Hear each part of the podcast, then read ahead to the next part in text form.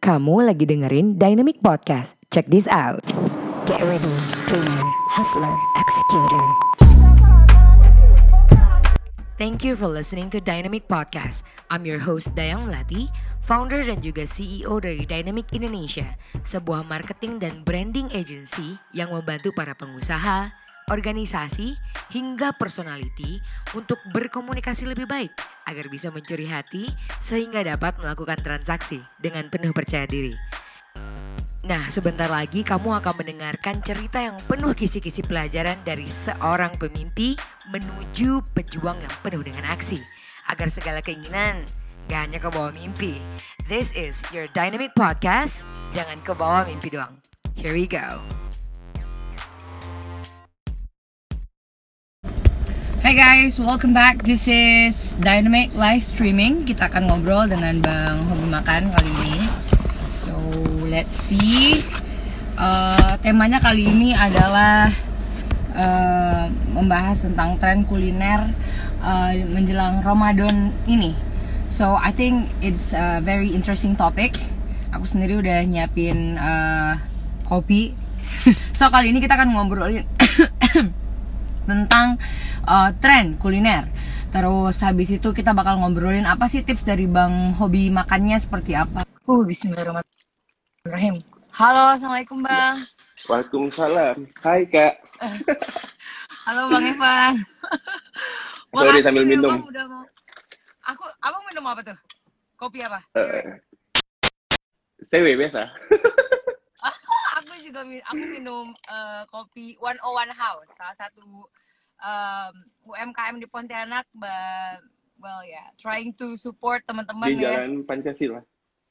Jalan Iya, Pancasila kan ada- pinggir jalan. Iya, dulu di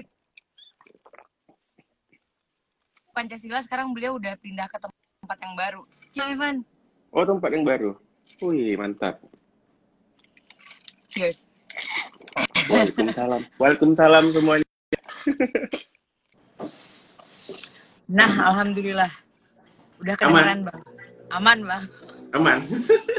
Aman. Oke, alhamdulillah. Apa kabar Bang Evan? Alhamdulillah baik. Gimana Kak Dayang? Suatu kehormatan bisa live di Dynamic Indonesia luar biasa sekali. Masya Allah, apalah ini. Aku subhanallah ya Bang Evan itu sejak pertama kali eh, satu stage bareng waktu itu di acara apa gitu ya Bang ya. Beliau nih humble sekali gitu. Jadi nggak heran kayaknya fans eh, hobi makan nih se-Indonesia sangat hardcore. Sekarang eh, kegiatan endorse mengendorse masih aktif ya Bang ya? eh kadang aktif, kadang enggak. Soalnya Hmm. beberapa minggu depan, beberapa hari ke depan, enggak hari ke depan Mm-mm. sih. Dari awal Ya. bulan tadi, pada ini apa? Pada mau menyelesaikan beberapa kerjasama dengan Mm. brand sih, Mbak Dayang. Oke, alhamdulillah selama COVID Corona ini kita memang lagi pengen ketemu dengan teman-teman eh, penggerak dan aktivis di bidang kuliner nih Bang. Eh, kita pengen ngumpulin insight, pengen cerita-cerita sama beliau-beliau ini gitu kan. Eh, gimana sih mereka menghadapi COVID Corona ini dan bagaimana mereka mempersiapkan diri mereka menjelang Ramadan. Jadi kita kemarin udah ngobrol sama Masak TV, sama eh, apa namanya platform PH Taste Made Indonesia gitu kan. Terus habis itu ada Wih, Pak Denny Santoso juga. terkenal-terkenal semua ya. Nggak ada sih nih Bang, dibanding hobi makan mah kita jauh. Hobi Masya makan itu Allah. enggak terkenal, Kak. Yang terkenal tuh gerakannya. Kan ada gerakan yang namanya tuh lanjutkan di kamu tuh. Wah. Iya iya iya. Wah ini something. Oh ya Bang pernah cerita ya. Di Indonesia alhamdulillah. Hmm. Dari Sabang sampai ke ujung timur, sampai Masya Malaysia. Oh, udah sampai Malaysia juga. Udah Masya sampai Malaysia. Allah. Malaysia banyak. La- eh, kegiatan lanjutkan di kamunya juga udah nyampe Malaysia ya Bang ya? Udah, udah lama. Dari tahun lalu udah, udah gerakan itu udah rame. Masya Allah, Masya Allah. Aku bingung mau nanya apa nih Bang. Pertanyaan eh, pertamanya apa? Abang mau intro dulu tentang kegiatan atau kayak gimana Boleh. Bang? Silahkan. Oh, Bang Mungkin Evan. mungkin teman-teman Dynamic Indonesia mungkin ada yang belum kenal juga kan.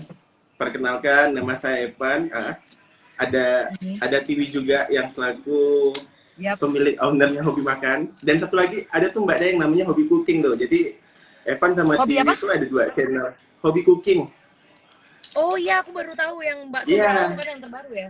Iya, share resep share resep apa? Share resep murah tapi bisa bikin di rumah. Terus kalau mau dijual online juga bisa. Bang, itu harus collab sama Masak TV ntar ya. oh, Kayaknya boleh. Masak. TV ya. Iya, sama Tastemade Indonesia ya. Boleh nanti Wah, obrolin. itu boleh tuh. Iya, Jadi iya, hari ini tayang perdana di Tokopedia Air. Wow. Ah, jadi Masya Allah. jadi hari ini. Jadi Tokopedia Mhm. juga ada ini ada ada ada launching kayak masak-masak gitu kegiatan di rumah aja. Mhm. Jadi kebetulan salah satunya Iya. hobi cooking juga ikut. Oh, Oke. Masya Allah, oke. Oh, jadi sekarang ada hobi cooking, eh, Hobi makan dan hobi gitu cooking. Eh, tapi ada hobi hobi apa? Hobi info ya? Itu punya dari gerakan abang juga atau fans clubnya? Iya, sama. Iya. Oh, oke oke. Itu segmen oke. media sih, segmen media. Oh, tapi itu under hobimakan.id juga. Iya. Kan Oh, lagi oke. lagi ada website, kita lagi bikin website juga, jadi namanya Hobi Makan Mhm. Asia. Nanti ya akan keliling-keliling kayak gitu Se Asia nih ya, berarti nih ya. Ke Eropa udah udah pernah Eropa. Masya Allah, Masya Allah. Guys, kita harus belajar banyak hari ini. Jadi untuk teman-teman yang sekarang lagi nontonin live, itu ada, karena kom- komennya kita matikan, kalau enggak nanti aplikasinya crash. Jadi ada tanda kotak yang ada bentuk pertanyaan, itu bisa diklik kalau teman-teman mau nanya. Karena hari ini kita akan ngebahas tentang tren kuliner Ramadan 2020 yang beberapa belas hari lagi ya banyak ya. Udah sangat dekat menuju Ramadan. Uh, So, kalau memulai pembicaraan ini, makan kan pasti hobi makan ya. Tapi makanan favoritnya abang hobi makan tuh apa sih? Penasaran? Kalau saya tuh lebih seneng dengan yang berbau mie, bakmi, bakso, wah, nasi goreng. Itu segmen hidup dari dulu sampai sekarang yang nggak pernah Aha. ada matinya. Bener nggak sih? Oke. Hmm, Ayam goreng, wah itu tuh yang nggak pernah mati bisnisnya tuh. Hmm. Oh, jadi abang juga suka ma- makanan seperti itu? Iya, paling favorit itu seperti itu. Paling favorit ya kayak kue tiaw, berbau mie lah, pasti seneng tuh. Sek- dan segmen telur ya, segmen telur. Aduh, bapak-bapak internet, aduh. Anyway, kita langsung aja ya bang. Ya tadi kan abang ngomong cerita tentang bahwa makanan eh, kesukaan abang, makanan bang Evan kesukaannya itu adalah telur-teloran, nasi goreng yang which is Indonesia banget ya kayaknya ya. Ya, lidah Indonesia. Sangat-sangat Indonesia ya. Tapi kalau menurut abang eh, yang saat ini yang sama COVID ini dulu ya, kita belum ngomongin Ramadan, makanan kuliner yang lagi naik-naik banget tuh apa bang? Eh, segmen yang pinggir jalan deh kayaknya. Yang nasi goreng, yang cepat saji gitu. Kemudian nasi padang, dan yang segmen rumah makan gitu.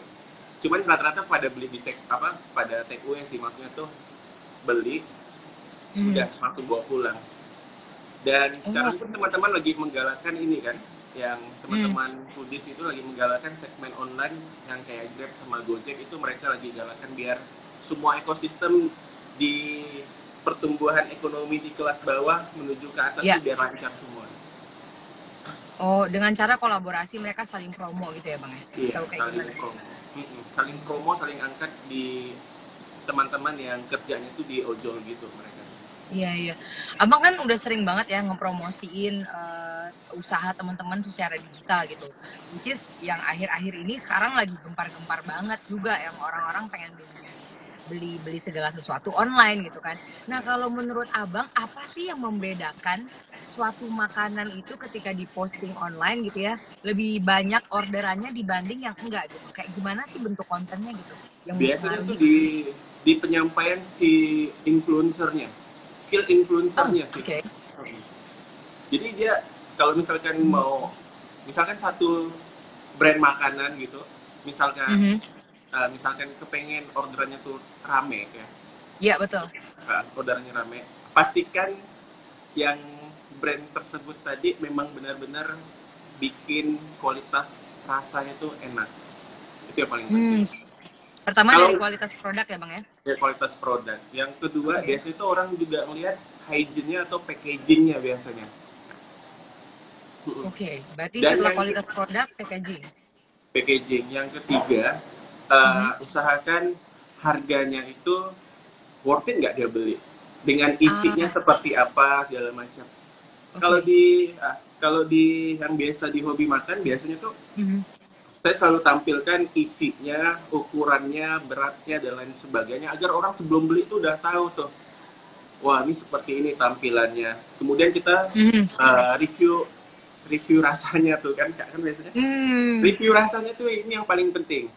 Kalau Oke. sekarang uh, misalkan di Mhm. misalkan di Evan nih kalau misalkan nge-reviewnya fake otomatis Mhm. pada saat nge-review di produk selanjutnya orang nggak bakalan percaya. Ah, oke. Jadi Nggak semuanya harus makan bilang enak gitu ya bang ya? Iya.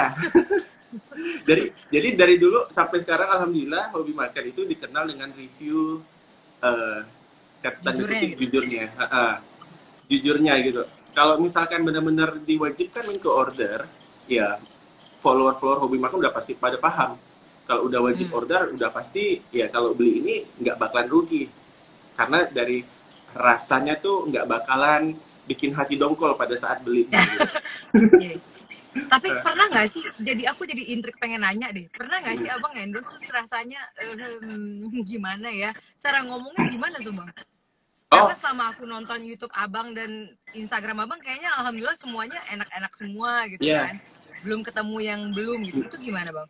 Jadi dari dulu sampai sekarang kita kita nggak pernah ngungkapin kata-kata bahwa minuman ini nggak enak, makanan ini nggak enak karena uh, di hobi makan punya konsep bahwa kita nggak boleh bilang makanan atau minuman tersebut nggak enak karena Hmm. itu uh, di dalam Oke. agama kita nggak boleh bilang makanan itu nggak enak. Tapi Mhm. si si follower kita bisa ngelihat nih.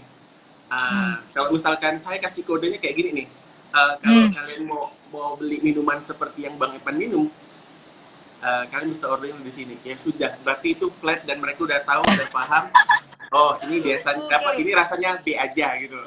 Ah, jadi itu kodenya ya berarti ya? Itu kodenya. Kalau Epan, uh, kalau misalkan Epan nih si hobi makan uh, nge-review Hmm. produk ini, wah ini minumannya ini biasa aja. Oh itu akan membuat satu brand tadi itu tersinggung ataupun kalau mereka ya agak-agak frontal, mereka bisa kasih Iya. surat peringatan gitu kan. Oh iya ya? Wow. Tapi belum pernah sih, belum pernah. Cuma Oh. teman-teman yang lain udah pernah dikasih kayak gitu. Teman-teman Hmm. beberapa teman yang lain dia bilang, wah Iya, ini iya. biasa aja sih harganya 8 misalnya ini harganya 18.000 ribu rasanya biasa aja. Ini kalau misalnya Hmm. kita bandingin dengan uh, di warkop sebelah itu ya bla bla Iya. segala macam, udah Hmm. mereka save story kita, kemudian mereka Hmm. minta klarifikasi. klarifikasi. Uh, ada apa ya kalian kalian review seperti Hmm. ini? Apakah kita Hmm. ada salah sama kamu? Kayak gitu Hmm. ini pengalaman sih Hmm. pengalaman teman-teman yang Iya, lain yang iya. sukses sama hobi makan Heeh. Menarik, menarik. Oh, jadi tadi ini satu hal yang harus di-highlight ya sama teman-teman yang uh, lagi jualan Iya. online juga kali ya, Bang ya. Pertama itu emang kualitas lo harus dibenerin, packaging. Yang ketiga, ketika nge-endorse sama influencernya, pastiin emang emang emang si influencer nyampein yang terbaik gitu ya, Bang ya. Ini Iya, sebelum kita nyinggung lagi, menurut aku penting juga nih, Bang. Kemarin aku ada ngobrol sama satu influencer lainnya juga gitu kan ngomongin em, bagaimana sih eh, tips sukses gitu kan ya dalam em, eh, apa namanya mempo pemasaran online untuk, untuk UMKM. So, so far menurut abang seperti apa sebelum kita ngomongin tren?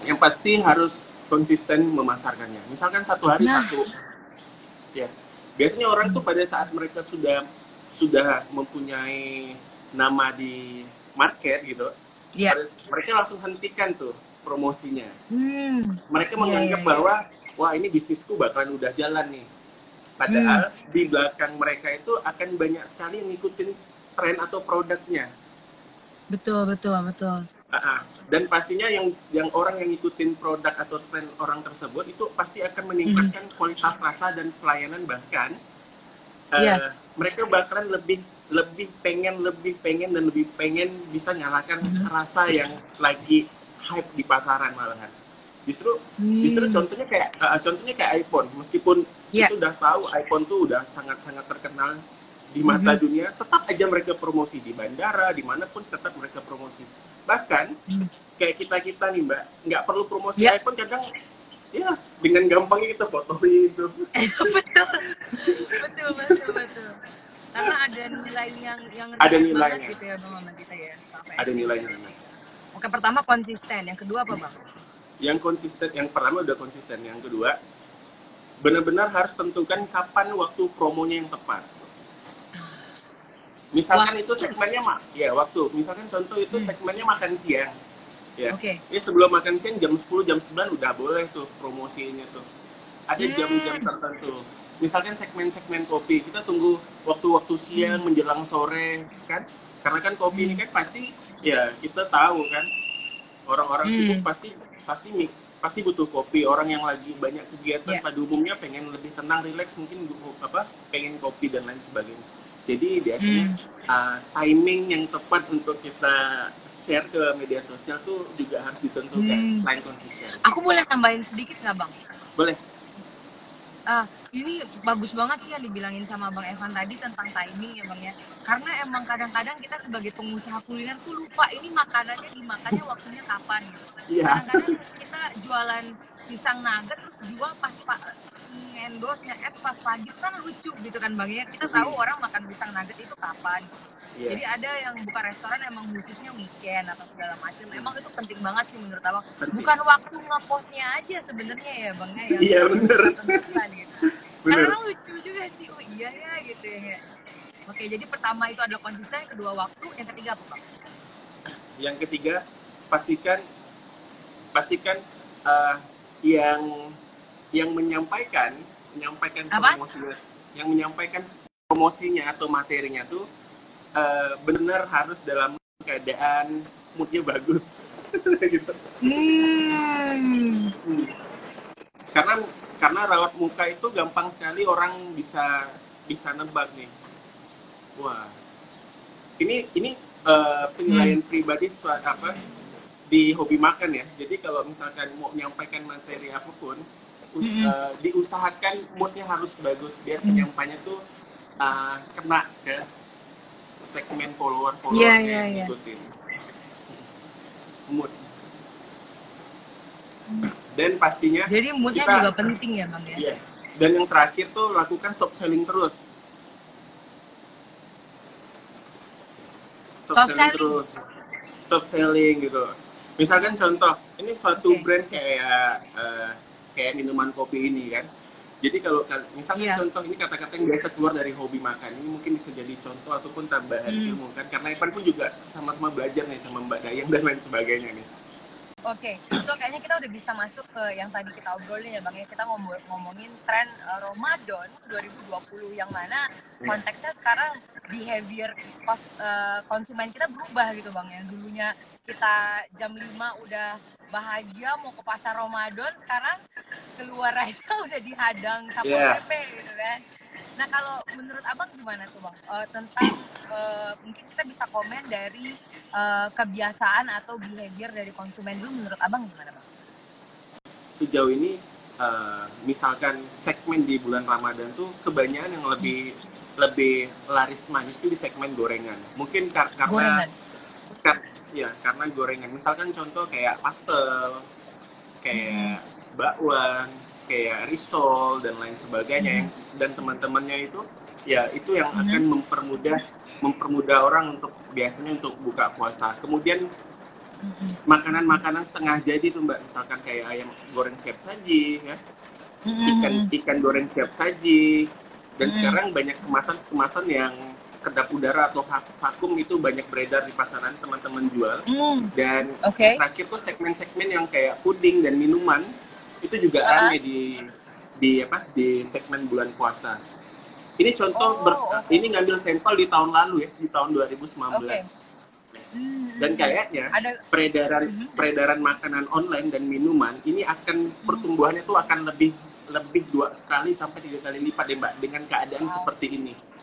Nah, berarti abang benar-benar yakin kalau online sales ini bakal tam- malah dua kali lipat atau tiga kali lipat lebih banyak di bulan iya karena karena semua uh, semua teman-teman yang sharing sama Evan bahkan Hmm, uh, mereka-mereka pelaku usaha yang Mhm. tadinya usaha mereka itu yang lagi kategori lagi terhambat ataupun lagi kurang jalan untuk di segmen Iya.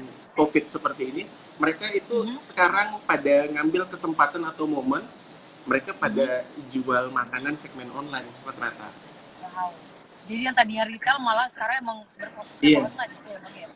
Mereka ngejual eh, segmen makanan yang kategori mereka yang sering mereka mereka mereka buat di rumah dan kategorinya enak disurvei sama keluarga-keluarganya kemudian mereka open untuk mereka jual. Wow. Iya, ya, aku Hampir. juga sering ngeliat. Hmm. Jadi mereka mereka sekarang ngambil kesempatan itu dan ternyata di luar ekspektasi semuanya pada pada senang pada pada senang Hmm. pada belanja online. Yang penting satu rasanya harus dijaga. Intinya di situ. Wow. Kan sayang kalau misalkan nah, kalau kita ngejual makanan tapi rasanya kurang gimana gitu, kita pun susah untuk untuk ini untuk menginfluence ataupun orang lain pada saat mereka beli itu momen yang bagus tuh. Misalkan Mbak Dayang jual makanan dan Evan coba ternyata Hmm. makanannya tuh enak sekali kan. Akhirnya Hmm. secara otomatis Evan juga ikut andil nih. Wah ternyata Hmm. beli ayam geprek di tempat Kak Dayang enak banget nih bla bla segala macam. Dan Hmm. akhirnya Hmm. dilihatlah sama follower Evan dan akhirnya jualan Mbak Dayang makin menyebar luas. Hmm. Jadi ada beberapa poin bagus nih yang diobrolin sama Bang Evan yaitu mungkin kalau dari segi segmen tahun lalu makanan yang nendang itu adalah gorengan, puding-pudingan ya Bang ya. Gorengan, Puding, iya. sama sama apa tadi? Gorengan sama pudingan aja ya? Yang Yang kemudian terakhir. ayam goreng kemasan yang setengah setengah matang. Oh, yang cepet saji itu ya Bang? Iya ya? cepat saji dan beraneka ragam yang yang mereka Hmm. biasa suguhkan deh. Gitu. Nah, Kemudian kue-kue kering, Mbak. Kue-kue kering, Oh, kue-kue kering, kering, kue-kue kering, kue kue lapis dan lain sebagainya itu sangat laris Rame manis. ya. Rame banget, rame banget. Nah, cuman teman-teman UMKM ataupun semua yang lagi nonton sekarang juga harus nge-highlight nih eh, apa tuh namanya tadi Bang Evanya ngomong bahwa rasanya tuh juga emang harus bagus. Ini juga mengindikasi banyak semakin terbukanya peluang untuk perjualan online yang mana sekarang bakal banyak banget kayaknya pasar-pasar online ya Bang ya. Benar. Berarti kompetitor juga lebih banyak dong Bang ya. Maksudnya Kompetitor kita doang. Benar, kompetitor banyak banget sekali. Ah, Iya, iya, kompetitor banyak sekali. Cuman yang yang kalau kita punya pasti kompetitor pasti ada di setiap bisnis mana pun. Cuman. Betul. kompetitor akan sulit menyaingin cuman satu, rasa dan Apa, kualitas. Rasa dan kualitas. Itu yang nggak bisa kompetitor ikutin. Mm-mm. Kalau bisa bikin segmen makanan enak, kualitasnya tuh bagus dan harganya masuk dengan dengan kategori survei pasar pasar mereka, Iya. mereka akan laris manis di segmen online. Saya bisa ambil sampel eh, beberapa contoh eh, satu atau dua segmen eh, teman yang jualan online itu hanya Ya. cuman sebuah gorengan dia bisa jual sehari 2000 sampai 3000 sehari. 2000 Bang. Iya, 2000 sampai Pontianak. 3000. Pontianak. 2000 Pontianak. kali 500 udah 10 juta sehari dong ya. Kurang lebih. Itu baru satu brand, belum tambah brand-brand yang lain. Maksudnya tuh jenis makanan yang lain. Puding gitu, misalkan puding harganya 25.000 dikali dengan Wah, 25.000 dikali dengan 300 orderan setiap hari hanya laku 3 jam gitu. iya. 3 jam. Omset tiga kerja jam. Sold out Ini gitu. udah kayak udah kayak ini ya Bang ya di internet yang cepat kaya dalam waktu. Iya, bener. Kerja hanya setengah jam langsung dapat duit berapa. Tapi Iya. it's real tapi karena emang produknya real, rasanya bagus, Iya. kualitasnya terjamin gitu ya Bang. Benar. Yang selalu laris manis di segmen online adalah mereka yang selalu menjaga konsistensi rasa yang mereka jual.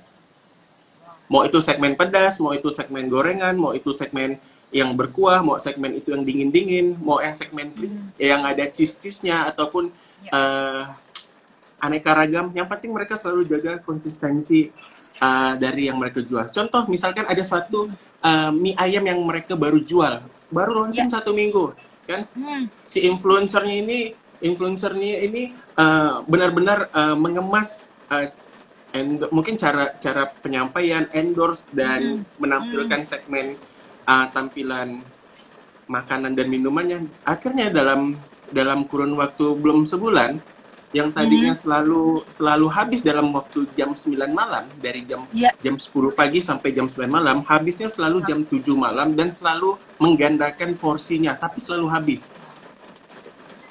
selalu habis dalam waktu habis isak selalu kemudian yang saya kasih yang harus diperhatikan pada saat mereka jual segmen kuah-kuah adalah Hmm. harus jaga eh, ini panasnya kuah. Oh, oke. Tapi kan Karena- dianterin online, Bang. eh online nggak online tetap waktu itu di segmen offline mbak waktu itu di segmen Hmm. online eh, offline Oke. di segmen online saat ini mereka lagi tutup tapi ya, mereka lagi tutup tapi mereka merubah merubah Hmm. segmennya dengan menjual bakso daging sapi Ah. yang dikemas setengah kilo dan satu kilo. Jadi segmen mereka tetap jalan. Meskipun offline-nya nggak jalan karena Ya.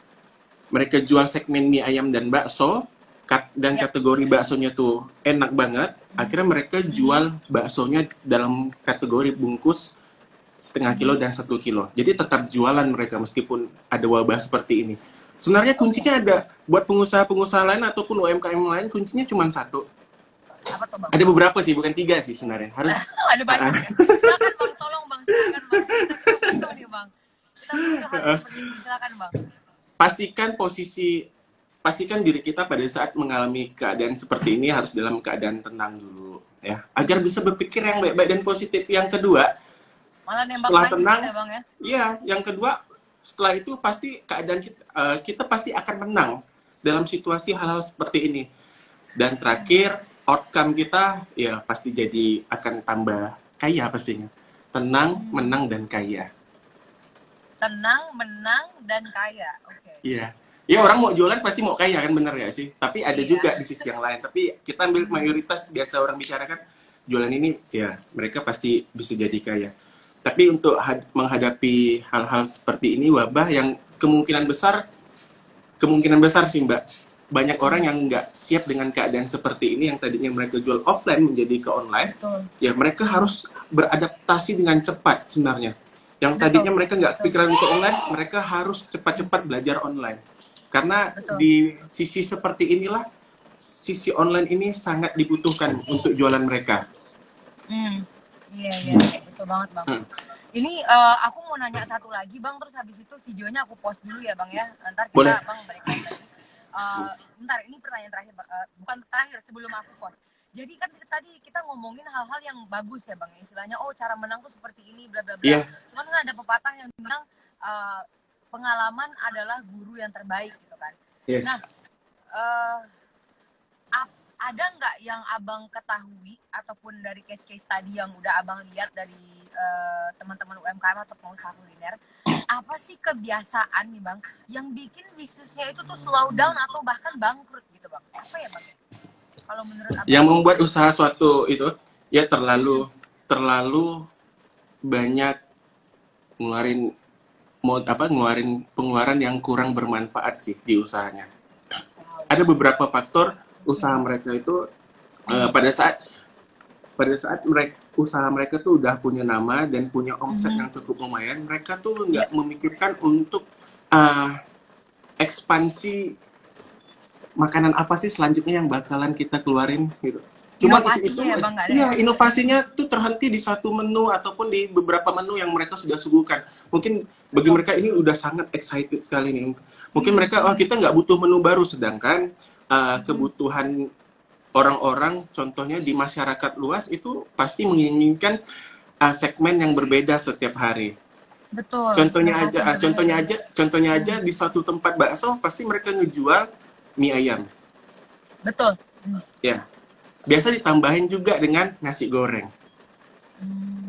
Jadi pada saat orang datang ke satu tempat, dia bisa pilih tiga menu. Akhirnya omsetnya masuk, meskipun tadinya orang tadi mak- eh, nggak mau makan bakso sama mie ayam, akhirnya dia mencium aroma nasi goreng, akhirnya dia kepincut dengan nasi goreng tadi.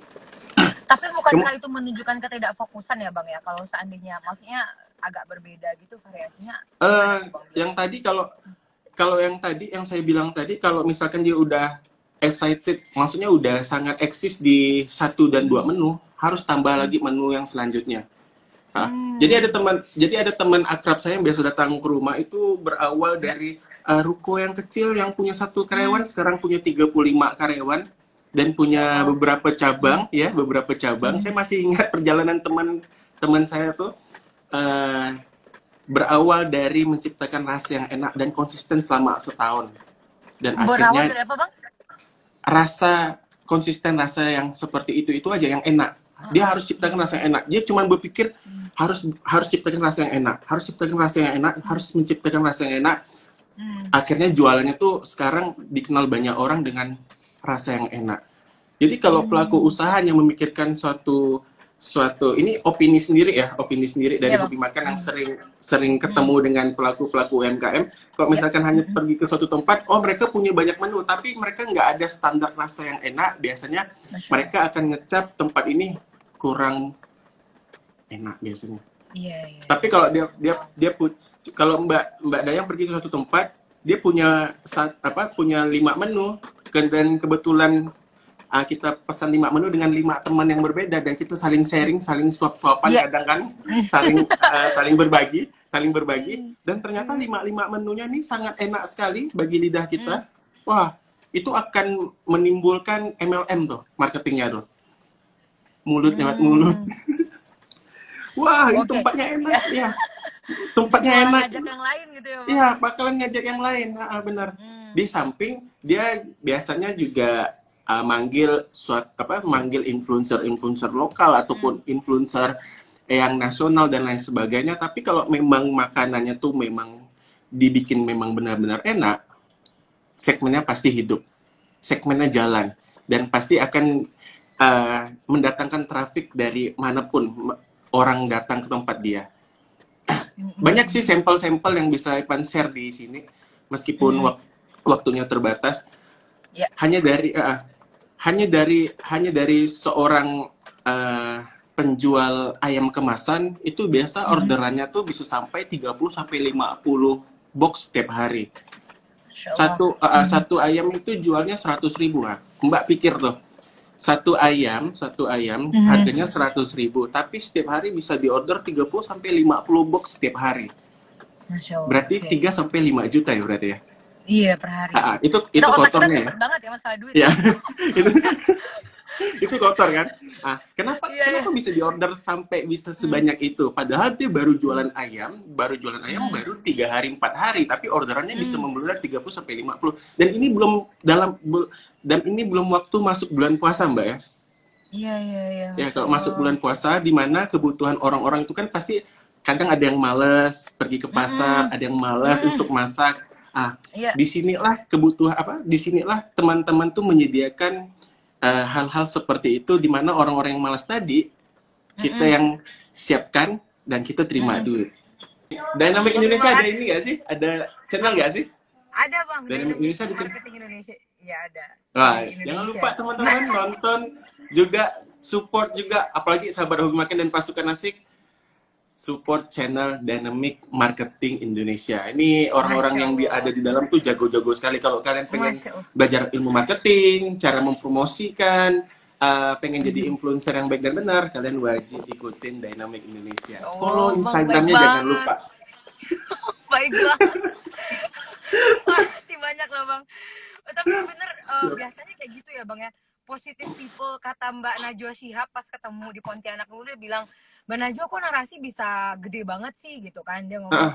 ya great people look alike dah yang katanya kayak gitu biasanya orang baik tuh akan diketemukan dengan orang baik jadi aku yakin banget nih followersnya hobimakan.id, hobi cooking, hobi info nih pasti orang-orang baik semua yang Amin, amin, positivitas. Insya Amin. Allah. Bang, salut banget sih. Hidup lu bermakna banget gitu kayaknya. Gimana sih Yang Bang pen- jadi, jadi kayak yang Bang, penting lakukan su- kayak- yang penting melakukan sesuatu hal tuh harus dalam harus dengan sepenuh hati, jangan sesuka hati. Itu yang paling penting. Kalau melakukan Sepenuh sesuatu hati, dengan ya. hati, pasti orang akan merasakannya itu dengan hati, Kak Dayang. Itu yang paling penting. Hmm. Yang harus kita tularkan kepada orang-orang di luar sana. Masya Allah. Kita kan hanya hanya bisa men- Hmm. kita- kalau saya tuh orangnya sama sama Kak TV itu hanya bisa uh, action aja, yang action aja, action Iya, iya. aja. Hmm. Mhm. Kalau teori eh, nomor dua, yang penting begini loh caranya. Jadi teman-teman yang lain juga bisa Hmm. ngikutin apa yang kita lakukan. Makanya ada hashtag lanjutkan di kamu. Iya. Karena Itu badan aku, Hah? cuma dua mbak badannya, jadi nggak bisa nyebar ke seluruh Indonesia. Tapi bagi yang nonton, Hmm. mereka bisa ngelakuin akhirnya kegiatan itu bisa nyebar ke seluruh Indonesia dan hal-hal kebaikan bisa tersampaikan Iya, untuk iya, iya. mereka-mereka Masya yang Allah. pengen ngikutin. Ha-ha. Alhamdulillah sih. kebaikan itu menular ya bang ya. Semoga nih ya teman-teman followernya dari Wah. Nation dari hobi hobi makan. Wah, tapi tuh sometimes bahkan sampai ada yang nangis gitu loh bang yang lihat kamu bagiin ini bapak-bapak Iya. yang kayak gitu. Bahkan aku baca scroll komennya ada yang benerin nyamperin itu bener nggak? Jangan-jangan nih bang Evan settingan gitu kan? Settingan gitu kan? gitu. Iya, macam-macam aja yang komen. Ah, karena kepo mbak, mereka tuh kepo. Hmm, Ah, kok iya, bisa iya, kayak iya. gini sih? Ah, bikin bikin bikin apa? Bikin. Ya kontennya dan lain sebagainya. Tapi memang benar-benar kita semua itu spontanitas, benar. Hmm. Sama kayak review makanan yang biasa kita lakukan itu spontanitas semua mbak. Iya. No yang di Pak. yang borong kacang itu juga ini ya Iya spontanitas semuanya. Siapa pun yang kita lihat dalam hati ini kayaknya wajib Hmm. wajib ini nih kita kita ini share ke publik biar semua ya. orang bisa bisa bisa ini nih bisa support orang ini. Ada orang lain yang bakal Hmm. ngelanjutin ngelanjutin kegiatan ini selain kita. ya Saya langsung berhenti. Pasti selalu berhenti di pinggir jalan spontanitas semuanya. mhm. itu lebih seru ya bang ya kayaknya ya Lebih seru. uh, anyway oke So, uh, ngelanjutin yang tadi kita ngobrolin Boleh. tentang uh, tren kuliner uh, Ramadan 2020 ya Bang ya. Nah, uh, kita udah sempat nyinggung tadi bagaimana sih kita harus menang di uh, konten digital marketing ya Bang ya. Tadi ada Bang ngomongin beberapa tentang konsistensi, ada ngomongin packaging dan segala macam. Bahkan kita ngomongin kenapa sih orang itu gagal gitu ya Bang ya. Tadi Bang bilang, ya mereka nggak konsisten promonya gitu kan, terus rasanya nggak dijaga dan segala macam. Nah, Iya. kalau uh, ini gimana tuh Bang? Uh, kalau menurut abang nih kira-kira gitu kan kalau Hmm. abang bilang tadi gorengan puding bla bla itu adalah tren tahun lalu Tren tahun lalu. kalau tren uh-uh, tren tahun ini yang di mana orang-orang aware tentang uh, covid-19 uh, penyakit imun tubuh uh, gi- kira-kira berpengaruh nggak sih bang ke tren makanan 2000 uh, Ramadan 2020 karena kan malah aku tuh heran sekarang yang lagi viral itu malah kopi dalgona gitu kan ini dari mana datangnya ya, kan? Ya yang tadi saya bilang ya. kan kopi kan kopi iya. dibutuhkan Ini segmen hidup kalau iya. kopi. Ya. betul betul nggak bisa nggak bisa Segmen hidup. gimana tuh Kalau di Pontianak bakalan nemu Prediksi satu ya, kopi Bang? kayak gini 12.000 ribu, 13.000 ribu. Tapi kalau di Jakarta rata-rata yang kopi susu kayak gini ya 18.000 ribu sampai 21.000 ribu. betul nggak ada Bahkan 13.000. satu botol kadang 60.000 ribu ketemunya. betul di Bandung sekarang lagi ini bang kata temen aku tuh eh, kopi satu liter katanya jadi kayak coffee shop coffee shop tuh ngejual kopi satu liter gitu Wah, siapa takut. Coffee for life. Nah, kalau prediksi abang nih kuliner apa nih yang kira-kira bakal ngangkat gitu di uh, suasana COVID-19 kayak gini? Eh, kurang lebih hampir sama Kak Dayang. Oh iya ya. Kurang lebih hampir gitu, sama. Cuman di Kan nggak ngaruh. Cuman tren sekarang akan banyak yang berbau dengan susu dan cheese. Susu dan cheese. Cheese. Kenapa bang? Kenapa bang mikir kayak gitu? Sekarang sekarang udah Mbak. dulu tren boba itu kan rame di Taiwan. Iya betul. Uh-uh. Boba-boba itu kemudian setelah tren di Taiwan itu rame ya, rame. Setahun kemudian baru masuk ke Indonesia. Akhirnya Indonesia Hmm. lagi ya lagi tren franchise-franchise yang boba-boba, Sifutang, boba-boba, gitu-gitu ya. sifutang. Oh, sifutang mahal tuh Mbak. Eman-eman tuh ngopi itu. itu habis makan itu nggak makan dua hari bang. Iya benar. Ya. Jadi Mhm. jadi ya akan banyak karena susu sama eh fresh milk gitu susu yang beraneka susu sama cheese tambahannya di situ ya lagi pula eh, memang Indonesia memang seneng dengan cheese cheese gitu mbak. Hmm. Kalau boba atau Mereka- bubble Hah? tapi kalau di Pontianak penggemar cheese memang banyak kalau di Pontianak segmen Iya. market di Pontianak penggemar cheese banyak sekali mbak ah. dan minuman-minuman yang Ya, never goes wrong, minuman-minuman ya. yang iya pokok akan ada Mm-mm. tambahan segmen susu dan keju itu yang paling banyak diminatin eh, orang-orang pada umum sampai sekarang cream cheese cream cheese gitu ah, itu oke. lagi tren lagi hype gitu dalgona kan ini memang ya dalgona kemarin kita ada bikin satu minggu yang lalu ya satu minggu yang lalu. Ah. Ya memang. uh-uh. Dan karena proses buatnya tuh bikin orang kepo. Ah. uh-uh. Bisa diaduk dulu, bisa jadi kayak gitu bener nggak sih gitu ya? Mm-mm. Akhirnya akhirnya banyak orang bikin konten ya dalgona, tapi ya kalau memang mau naikkan channel YouTube cepat, eh memang kebanyakan orang bikin dalgona dalgona gitu sih mbak. Jadi penontonnya rame, Hmm. subscribernya jadi rame gitu jadinya. Hmm. Cuman kalau cuman kalau yang yang musiman gitu deh mbak. Biasanya tuh Evan Hmm. karena Evan penggiat street food dari tahun 2017 sampai hari ini. Jadi Mm-mm. kalau misalkan tren-tren yang kayak seperti itu cuman bertahan 3 sampai 6 bulan biasanya. Maksimal setahun udah hilang lagi.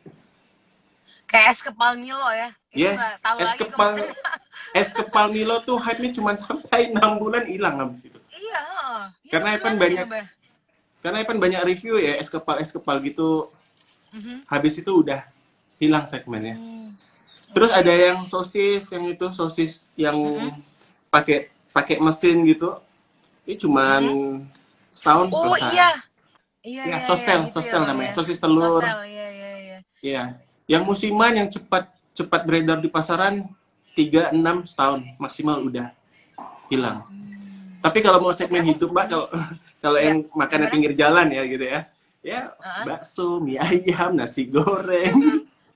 Iya, iya, itu nggak pernah mati ya, Bang ya? itu nggak pernah mati serius Eh, segmen eh, kayak lamongan ya kayak lamongan-lamongan pecel lele gitu pecel lele tinggal dirubah aja eh, sambal-sambalnya aja ataupun cara cara pengemasan segmen ayam pasti akan laris manis kemudian yang kayak itu apa Mhm. yang Apa tuh? yang kayak apa sih lupa sih namanya. Yang mereka jejerin makanan-makanannya gitu waktunya bukanya di waktu malam gitu. Yang ada nasi Iya. kucing Oh, apa segala macam. angkringan, angkringan. Ah, angkringan Masya Allah, itu Bang Evan lupa angkringan, guys. banyak mbak pokoknya.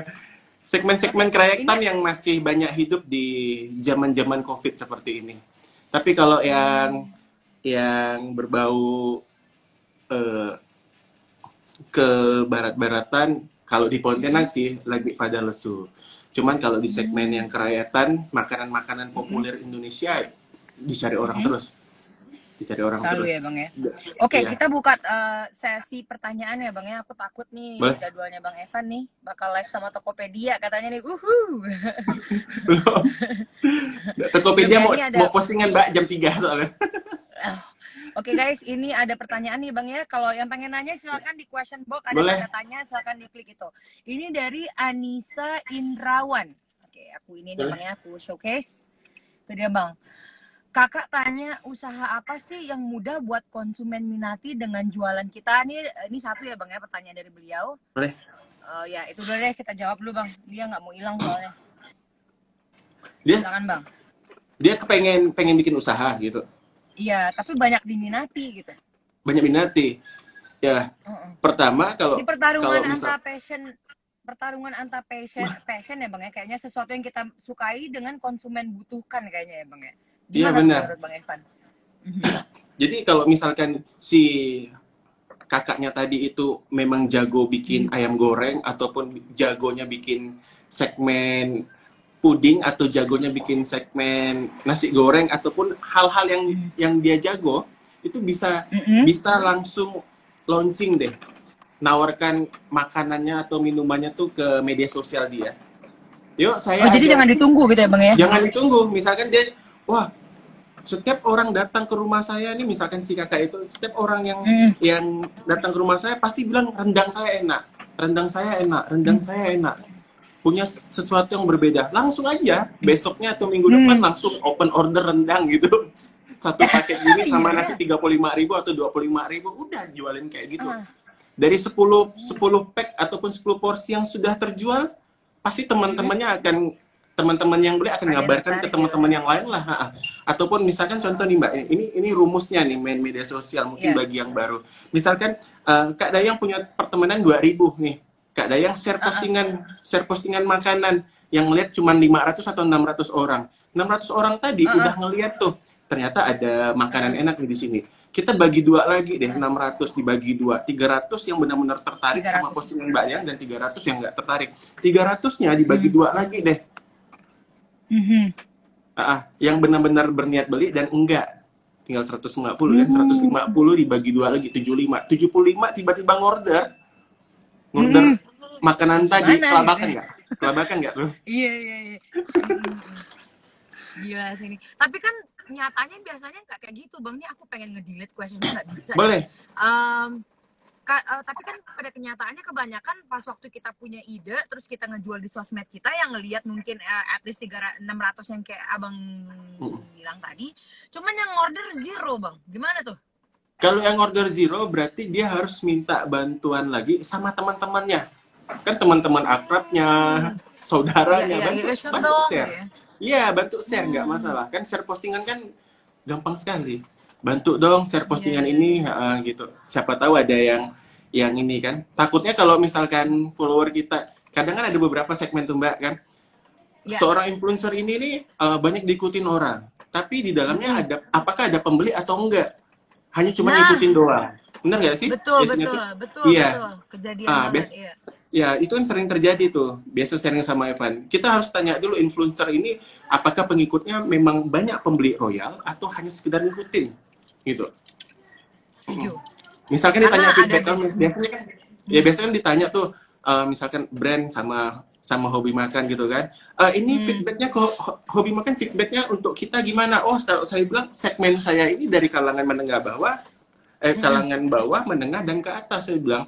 Ini produk kakak misalkan Kopiko nih, Kopiko ini kan biasanya masuknya di warung-warung saya bilang penonton saya ya. Rata-rata memang jajannya di warung saya bilang. Jadi promosinya itu udah tepat sasaran Kak saya bilang. Jadi Hmm. Kopiko ini segmennya masuk karena ini permen candy saya bilang dan lain sebagainya. Oke. Deal katanya sama sama hobi makan dia kayak gitu Mbak cerita. Pasti mereka akan nanyakan Kalau- segmen.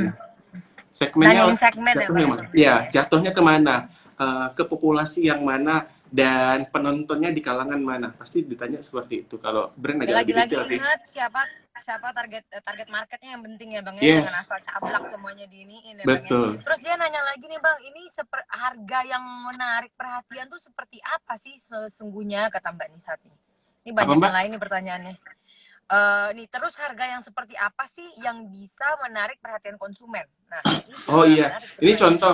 Ini contoh pernah pernah pernah Evan angkat suatu brand. Ini contoh. Ini kalau Evan Mhm. cerita nih bukan teori mbak ya, tapi fakta di lapangan ya.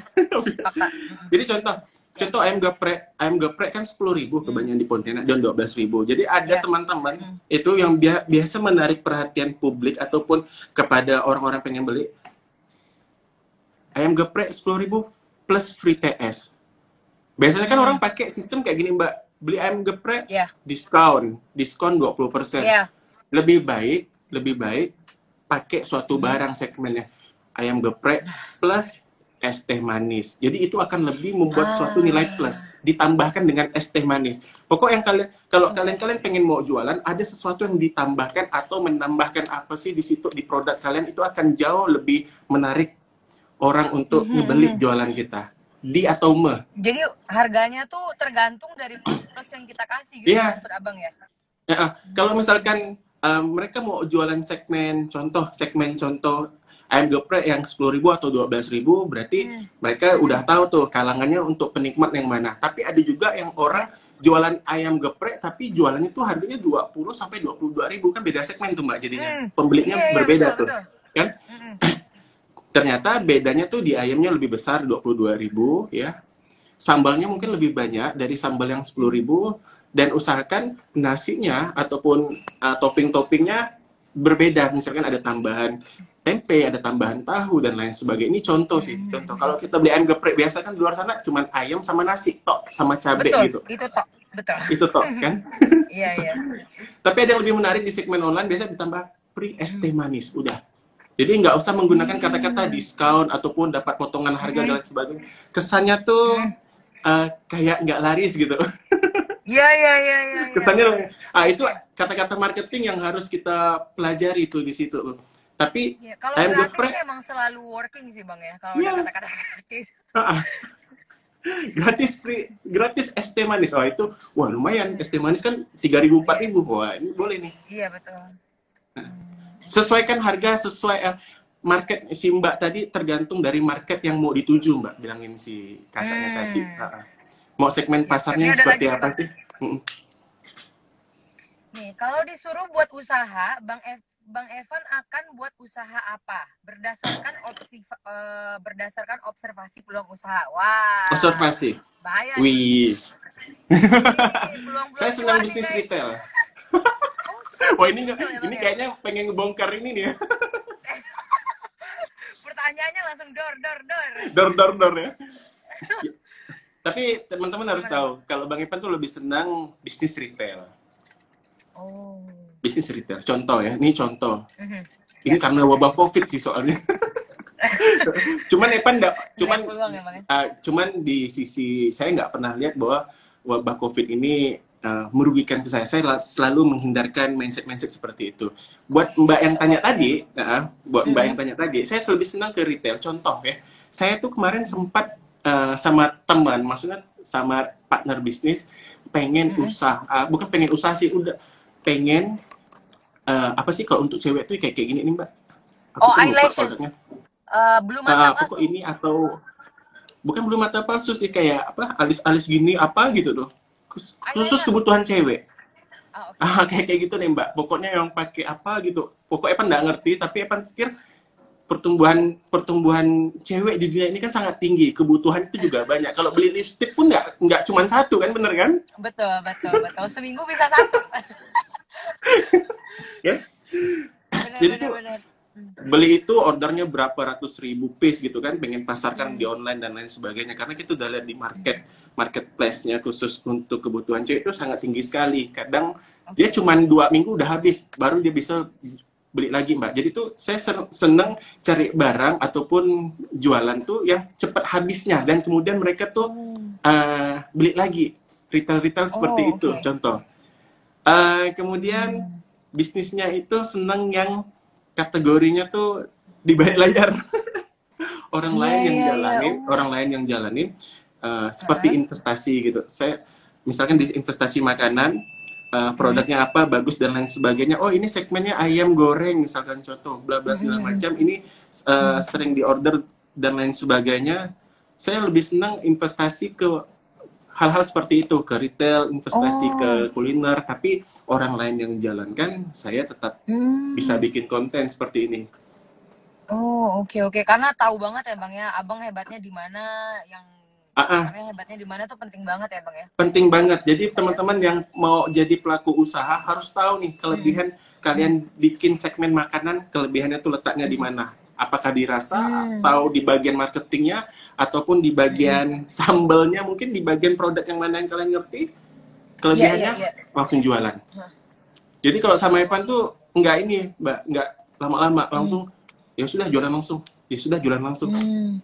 dan kebanyakan yeah, yeah, alhamdulillah berhasil mereka Oh, jadi gitu ya, Bang ya. Emang jalan langsung coba di endorse yang kayak gitu-gitu ini menarik banget nih. Tapi ini iya. hati-hati yeah. ya buat teman-teman bulan Ramadan nanti kayaknya walaupun pasarnya wow. gede, kompetitornya juga bakal sangat gede sekali gitu ya, Bang. Ya? Yes, karena semua semua semua yang segmen yang macet-macet, teman-teman yang punya hmm. bisnis yang bisnis utama yang lagi berhenti saat ini, mereka banyak hmm. alokasinya ngambil momentum Betul. untuk di kuliner. Betul, betul. Kan teman-teman Mbak pasti banyak yang jual kan? banyak oh, jualan kan? Ada tiba-tiba yang jualan sambel, eh kok kayaknya enak gitu kan kita jadi tergoda gitu kan. Oh ya kayaknya males ah ngulek sambel gitu kan. Uh, tapi tapi tapi boleh Mbak, uh, sambel ya. sangat menjanjikan. Gitu ya Bang. Sambel. Sambal yang di packaging itu, hmm. nah ya, harganya ya, 20 betul. ada yang 25 ribu. Eh, kan ya, pernah ngangkat segmen itu dan sekarang punya reseller seluruh Indonesia. Iya, yeah, omsetnya bersih bisa 60 sampai 80 juta sebulan, sebulan. dari segmen sambal. Bang, kayaknya aku mau deh di sini. Tapi ingat harus Gimana ciptakan bang, rasa yang enak. Harus ciptakan rasa yang enak. Kuncinya di situ. Jago bikin sambal dan rasanya enak. Survei dengan 10 orang orang yang berbeda ataupun mhm. teman-teman Mbak Dayan 10 orang. Mhm. Nikmatin tuh omsetnya. Bentar dia nge-branding wow. cuma 3 bulan, bentar yang penting nggak putus promosi, Mbak. Ingat. Nah, nah itu guys jangan lupa itu banget tuh yang harus dipegang jangan pernah putus promosi ya bang ya. Jangan pernah putus promosi. banyak banget nih yang incoming. Abang nih harus live dengan Tokopedia atau ini jam berapa ya bang ya? Enggak. Kita punya waktu jam tiganya jam tiga udah udah kelar. Cuman posting gampang, postingnya lewat 10-15 menit nggak oh. masalah. Oh oke, okay. alhamdulillah kalau gitu. Nah ini banyak pertanyaan banget nih bang yang masuk. Uh, salah satunya ngomong kayak gini nih, kok nggak bisa diklik ya ini ya. Bagaimana uh, kalau orang nggak mau ngendorsin produk saya dan omset untuk marketing kecil? Nggak bisa diklik nih. Omset untuk marketing Tapi, kecil. Mm -mm. Gak apa -apa. Dan nggak ada yang karena saya saya 10 tahun di marketing mbak soalnya. Emang high five langsung dulu bang. Yeah. 10 tahun di marketing, jadi paham. Wow, wow, wow. Ya gimana tuh sih Bang? Itu emang UMKM number one problem ya Bang? Kayaknya. Apalagi baru mulai gitu kan.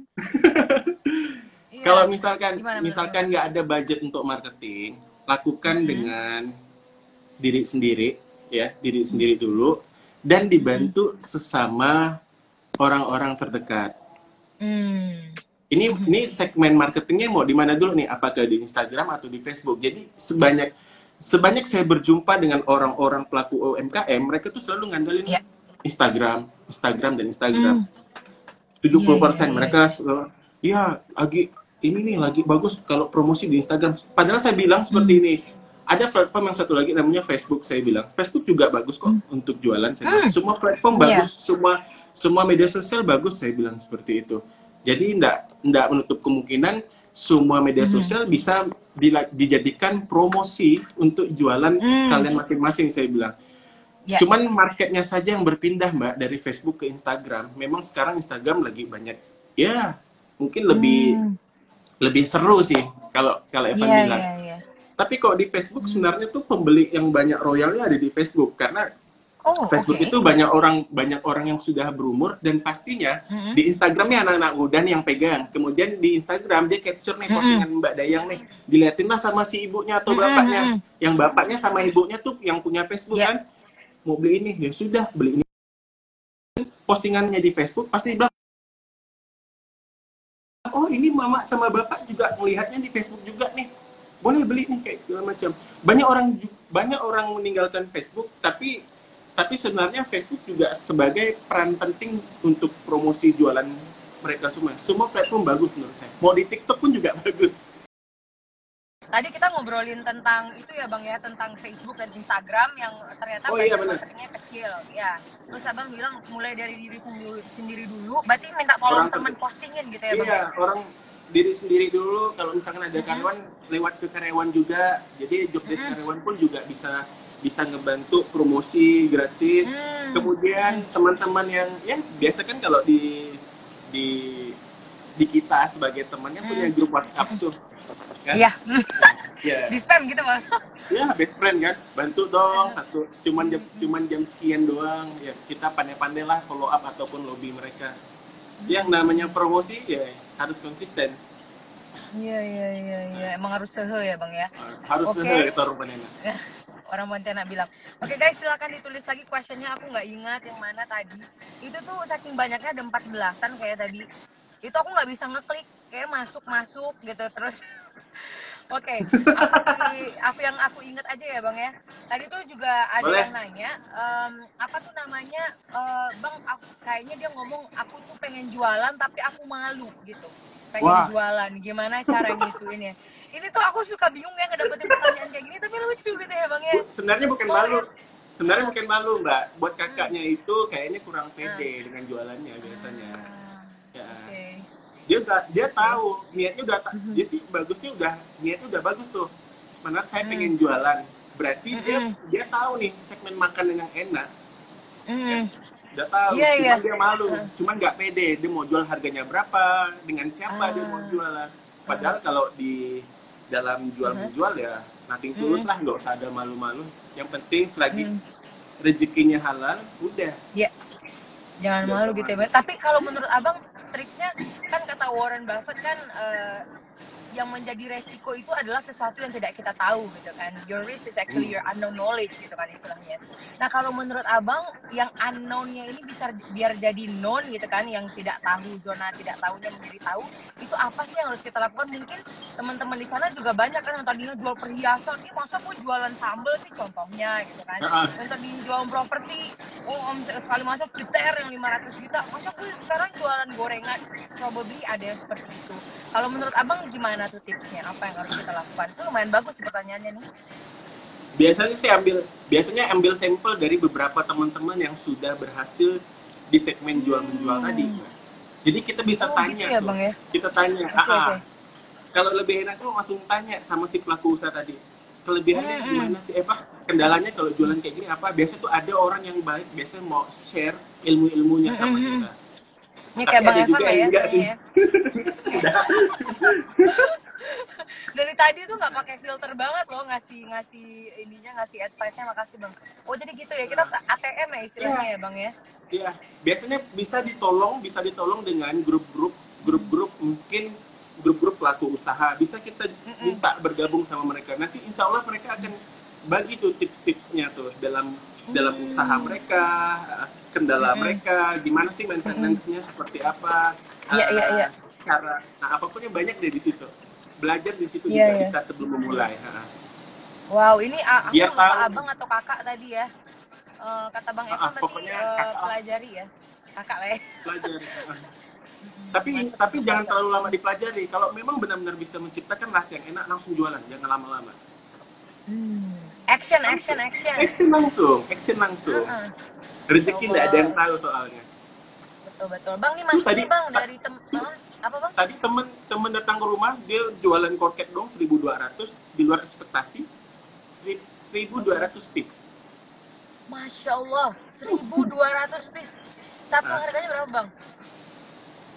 900 perak atau 1000 nggak salah seperti itu deh 1000 Masya Allah 12 juta, sejuta dua ratus langsung. Nah, Yes. langsung sehari hmm, hanya jualan gorengan online Bang ini ada mm-mm, ada masuk pertanyaan dari wah dari teman kita nih Bang, Masya Allah. Assalamualaikum kakak, Gerai Aira underscore PN kakak Eh, Kak. endorse nggak sih? nggak Iya, gerai ya? Iya, heeh. dia nanya Ini apa sih ramai nih. Ah, Nih pertanyaannya, kalau sekarang kan bisnis fashion lagi lesu, mana yang lebih menarik buat konsumen kasih diskon atau dikasih hadiah? Wah, Oke, Wah, mau dikasih diskon apa mau dikasih hadiah nih? Oke bang, mantap nih bang pertanyaannya. Eh, kembali lagi ke eh, hitungan bisnis masing-masing sih sebenarnya mbak. Hmm, oke. Hmm, se- senangnya di mana sih? Kalau misalkan Hmm. potongan harga, diskon ataupun gratis ya. Kalau udah niat gratis berarti ya kita pelaku usahanya seperti entertain untuk follower kita sebenarnya. Mm, mm, mm, mm, mm. Oh, karena dia Oh jadi tergantung atau- menarik mereka ya? ya hitungan bisnis masing-masing sih. Apakah lebih menguntungkan di gratis atau di Mm-mm. potongan harga? Ah, tapi Hmm. tapi kalau misalkan fashion lagi kurang lesu sebenarnya, Betul betul. sebenarnya fashion lagi kurang apa kurang itu sebenarnya karena karena beberapa sebab sih sebenarnya. Iya, Beberapa betul. sebab. Pertama, Hmm. ah, karena orang nih karena orang dilarang untuk keluar rumah dulu, Mbak. Hmm, mm, mm, Jadi orang mm, mm. ah, ah.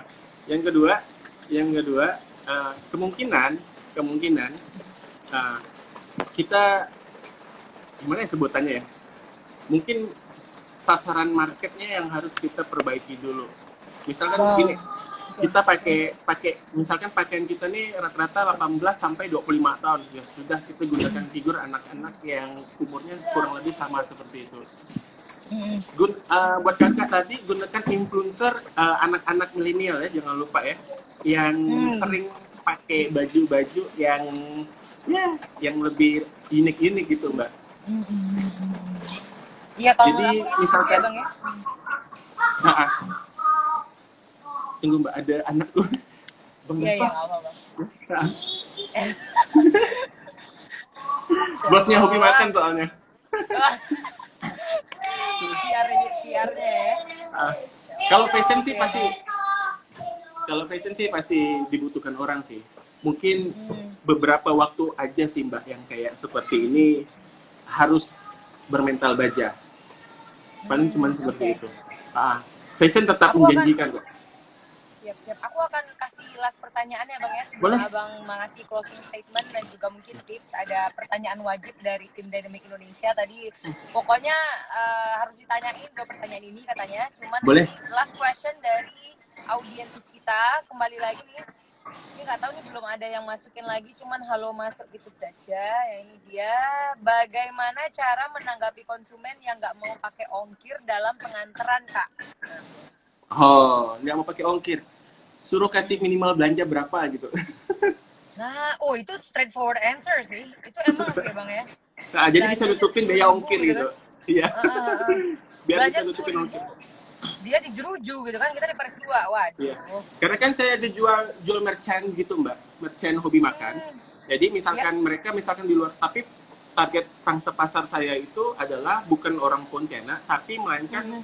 eh, luar Pontianak. Jadi 80% pembeli eh, baju-baju hobi makan, merchant gitu, itu semuanya dari luar Pulau Kalimantan rata-rata seperti itu. Oh, Sampai ke gitu. Jepang, sampai ke Singapura. Malaysia, eh, Thailand, ah serius, Masya Allah ah, sampai ke Wow. Arab Saudi. ya. Yang lebih mahal tuh itu kalau kirim dikirim ke dari Pontianak ke Arab Saudi bang Iya, yang mahal tuh kirim dari ke, dari Pontianak ke Amerika, itu yang mahal.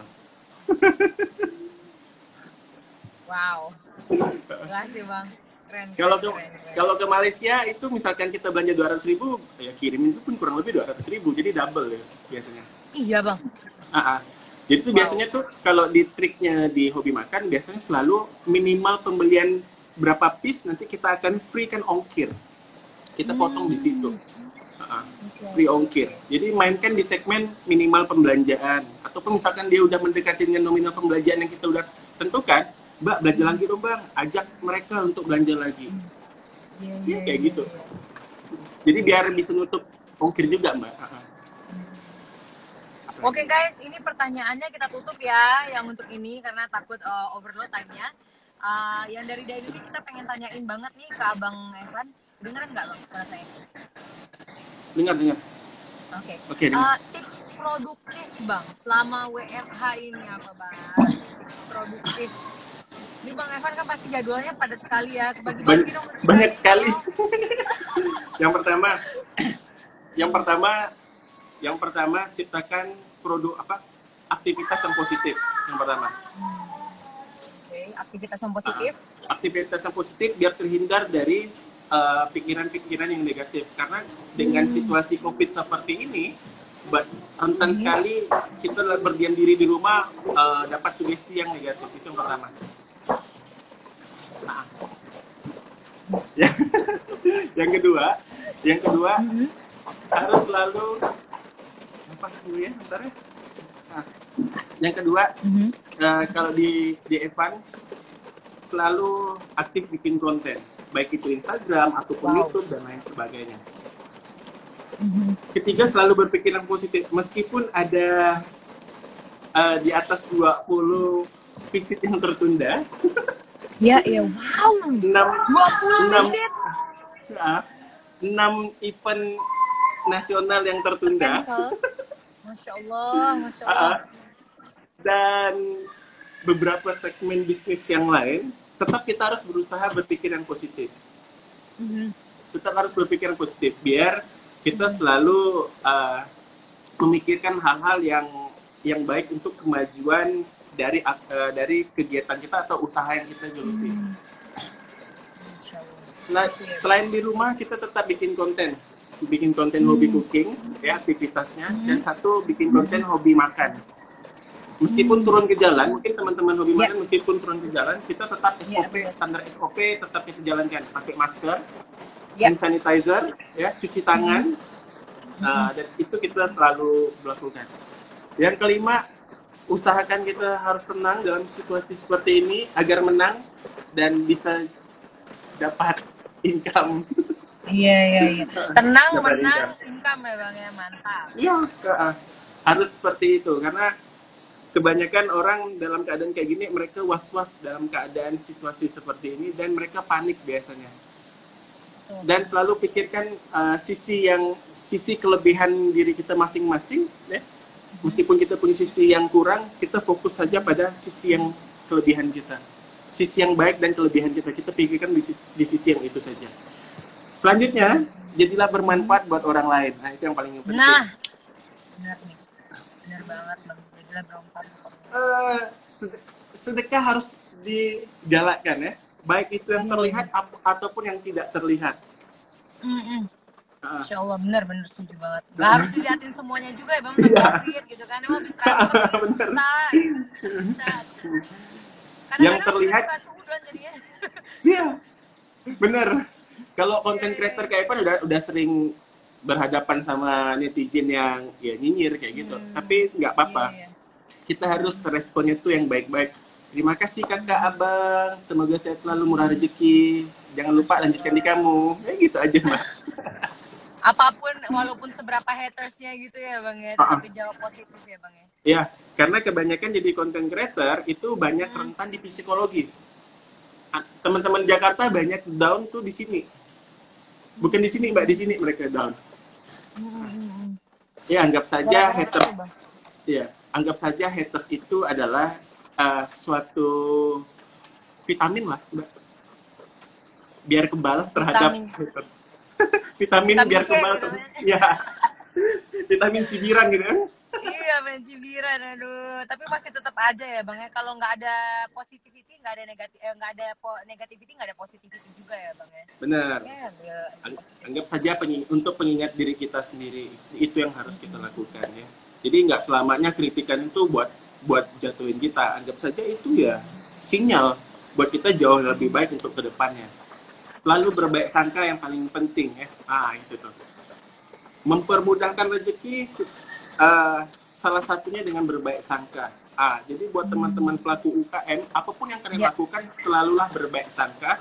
Lakukan dengan yang positif, ya. Insya Allah rezeki akan ngikutin dari kegiatan yang kalian lakukan. masya allah Jangan lupa kalau misalkan mau posting, jangan lupa baca Bismillah atau berdoa menurut agama dan keyakinan masing-masing. Wah sesimpel itu kita sempat lupa ya hal-hal kecil kayak gitu ya bang ya Ah, Karena setiap Evan posting ke YouTube, selalu Evan berdoa mudah. Bismillahirrahmanirrahim. Mudah-mudahan video ini bermanfaat buat orang banyak di luar sana. Untuk diri sendiri dan buat orang lain yang nonton itu gitu. Mungkin mungkin Uh. terkenalnya di situ kali Mbak. wah ini rahasia sukses hobi makan nih guys Iya, benar. di rumah kayaknya oke, Dan terakhir selalu Ya. dan terakhir Mbak dari hobi makan tipsnya selalu doakan orang lain terlebih dahulu baru buat diri sendiri. Itu yang paling penting.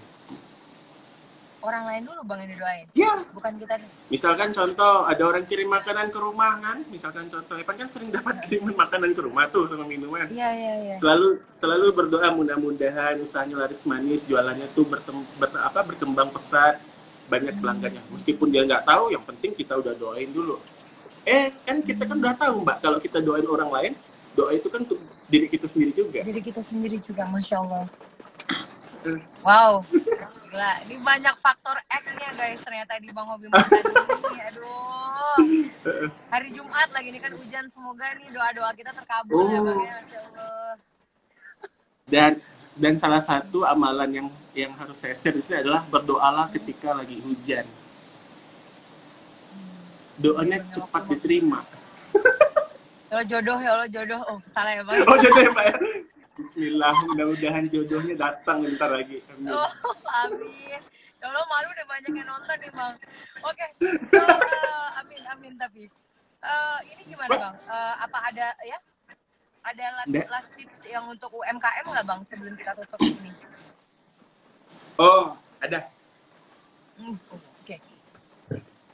Apa pun yang sudah dipelajari dalam dalam ilmu bisnis kalian, kalian tetap harus bertahan di situasi seperti ini. Punya mental yang kuat, ya mental baja, mental yang kuat. Dan ingat, Ya. kalau kalian di dunia kuliner, nomor satu pentingkan rasa agar jualannya tuh laris manis. Rasa, pelayanan, kualitas. Insya Allah kalau tiga poin ini dijaga oleh setiap UMKM mana pun, khususnya di bidang kuliner, insya Allah Hmm, akan maju pesat usahanya. Jangan tergiur dengan dan yang selanjutnya jangan mudah tergiur dengan uh, produk yang baru yang ditawarkan untuk pelaku usaha. Kalian harus tes Hmm. rasanya dulu sebelum kalian beli franchise. Kan lagi musim franchise, Betul betul Terus banyak yang betul. banyak yang gagal. Ini sebagai sebagai orang pinggir jalan ya. Ya, Hmm. meskipun franchise itu 6 sampai 10 juta, kalian harus telusuri dulu nih rasanya gimana, kualitas produknya gimana dan lain sebagainya biar kalian beli franchise franchise tersebut tuh bisa menghasilkan profit untuk ke depannya. Jangan sampai cuma beli franchise kemudian dalam sebulan nggak ada yang beli. Itu yang sangat dirugikan. Perhatikan pada saat kalian beli franchise produk apa pun. Saya nggak jatuhkan produk apa pun, tapi ini kebanyakan Hmm. dari mereka-mereka yang beli franchise di luar sana. Kadang banyak nggak premium, Mbak, soalnya. Bubuknya tuh Iya, bubuk iya. yang biasa juga. Ya, aku juga Akhirnya heran orang, bisa ada buka franchise 3,5 juta gitu bang kayak ya, ini franchise Iya. beneran atau enggak gitu kan ya memang target bisnisnya untuk franchise. iya iya iya iya Kalau diceritain susah, Mbak. iya iya itu bakal banyak yang kesebut jadinya ya bang ya masya allah Banyak kesebut. Ah. Jadi, eh, jadi tetap kalian harus ciptakan rasa yang enak. Ini khusus di hobi makan karena hobi makan pasti pasti mengkritisi hal-hal seperti itu karena ini Hmm. untuk kemajuan bersama bukan untuk menyudutkan salah satu pihak soalnya. Iya, Ah, iya. mungkin laris manisnya hobi makan tuh selalu seperti itu, Mbak. Kita selalu Hmm. sharing sama sama pengusaha tersebut, pebisnis tersebut, UMKM tersebut itu selalu tanya Hmm. kendalanya apa yang apa yang mau diangkat segmennya dan lain sebagainya. Saya lang- Iya. langsung terjun ke lapangan langsung sih sebenarnya. Kalau Hmm. bahas tentang orang-orang pinggir jalan sih, wah kalian-kalian yang UMKM yang segmen online kalian lebih beruntung lah dari mereka. Kalian harus lebih banyak Hmm. bersyukur karena Mm-mm. orang-orang pinggir jalan yang jualan es tebu, jualan ini, Mhm. jualan gorengan, mereka tuh cuma terima omset bersih kadang 15.000 Iya. sampai 65.000 sehari. Mereka harus jualan dari jam 9 pagi sampai jam 7 malam, kadang jam 7 pagi sampai jam 10 malam. Mereka cuma terima puluhan ribu rupiah saja. Kalian harus lebih beruntung, eh merasa lebih beruntung dari mereka-mereka yang di pinggir jalan. Kalau nggak percaya, kalian bisa lihat vlognya Hobi Makan yang sudah ada 800 video di situ iya iya bukti nyata di kehidupan orang-orang pinggir jalan. pinggir jalan ya bang ya. Uh-uh. uh gila ya bang Kalau Harus bermental kan- aja. harus mental baja perhatikan rasa guys dan jangan lupa Hmm. konsisten dalam promosi Yay. Yes. Bisa dilakukan diri sendiri, kawan terdekat, keluarga terdekat, dan siapa pun yang kalian bisa minta tolong untuk bantu promosi, promosilah. Media sosial jangan lupa Instagram dan Facebook, kalian promosi juga di sana, ataupun di YouTube kalian masing-masing, itu juga sarana untuk promosi jualan kalian. Meskipun kalian tidak punya budget untuk biaya promosi, untuk kalian yang pemula belajar UMKM atau belajar jadi pebisnis di besok harinya. Allah, Masya Allah. Makasih banyak ya Bang Evan. Alhamdulillah Sama-sama, banyak Mbak. banget yang didapat hari ini. Huh. Masya Allah. Cepat ngomongnya Mbak ya, cepat. Cepat ngomongnya. Iya, iya. Tapi aku jujur secara pribadi ngerasa terinspirasi banget, ngerasa enlightened banget. Jadi pengen, oh kayaknya boleh nih Ramadan usaha dadakan. Sambal ya, sambal. Bang? Iya. Sambal. Mbak, sambalnya lumayan tuh Mbak. Iya ya. Sambal itu segmen hidup. Pontianak atau orang Indonesia senang sambal soalnya. Iya Bang Evan nih aku jadi nambah nih kerjanya. aku bisa diprotes anak dynamic nih ntar. Semoga ini juga bisa menjadi inspirasi teman-teman yang lainnya. Uh, diperhatikan juga faktor X-nya. Aku ngerasa banget tadi dari semua obrolannya Bang Evan tuh nggak lepas dari faktor X, dari action, action, action. Ini jangan tontonin video kita selama sejam atau video-video lain tapi nggak ada action itu percuma gitu loh. Kita udah melakukan Betul. investasi waktu, jadi eh, semoga semuanya aksinya itu juga mau barokah untuk dirinya dan orang lain. Eh, berbuat orang lain dulu ya Bang ya. Karena itu pasti juga berbarokah buat kita ya Bang ya. Masya Allah. Berhasilkan orang lain terlebih dahulu, maka dirimu akan berhasil. Wah. Dari dulu tuh. 2017 bangun channel kayak gitu. Iya ya Bang ya. Wow. Hmm. Biasa kan orang tanya kan kok cepat bisa 3 3 juta 3,3 juta kan saya bilang kuncinya cuma satu resepnya. Berhasilkan orang orang lain terlebih dahulu maka channelmu akan berhasil. Oh gitu eh Bang. Iya buat orang lain dulu lah saya bilang. Masya Allah. Bang, aduh, ini kalau bisa ngobrol bisa tiga jam nggak berhenti nih, terus kayak bukunya bakal banget ya kalau ngobrol sama Bang Evan. Bang, tetaplah jadi kayak gini ya Bang ya. Ini dari Dayang sendiri ngerasa, ya Allah ternyata humbleness itu menjadi orang yang humble tuh luar biasa banget. Hah, benar-benar menenangkan banget dan semoga Bang Evan dan istri salam ya Bang buat Bang eh, Kak Kak Tiwi ya Bang ya, masya Allah. Kak Tiwi, ah. beliau, iya. Semangat juga buat hobi cookingnya. Itu aja dari kita. Amin. Makasih Sampai banyak. jumpa. Kita dari Dynamic Indonesia ingin mengucapkan terima kasih untuk yang udah nonton. Tadi tadi ini viewernya sebenarnya aku lihat tadi udah nyampe 1700-an, Bang. Pas aku close Iya. kan nge-post sampai 1700-an. Tadi Tapi barusan kalau- ada yang WhatsApp.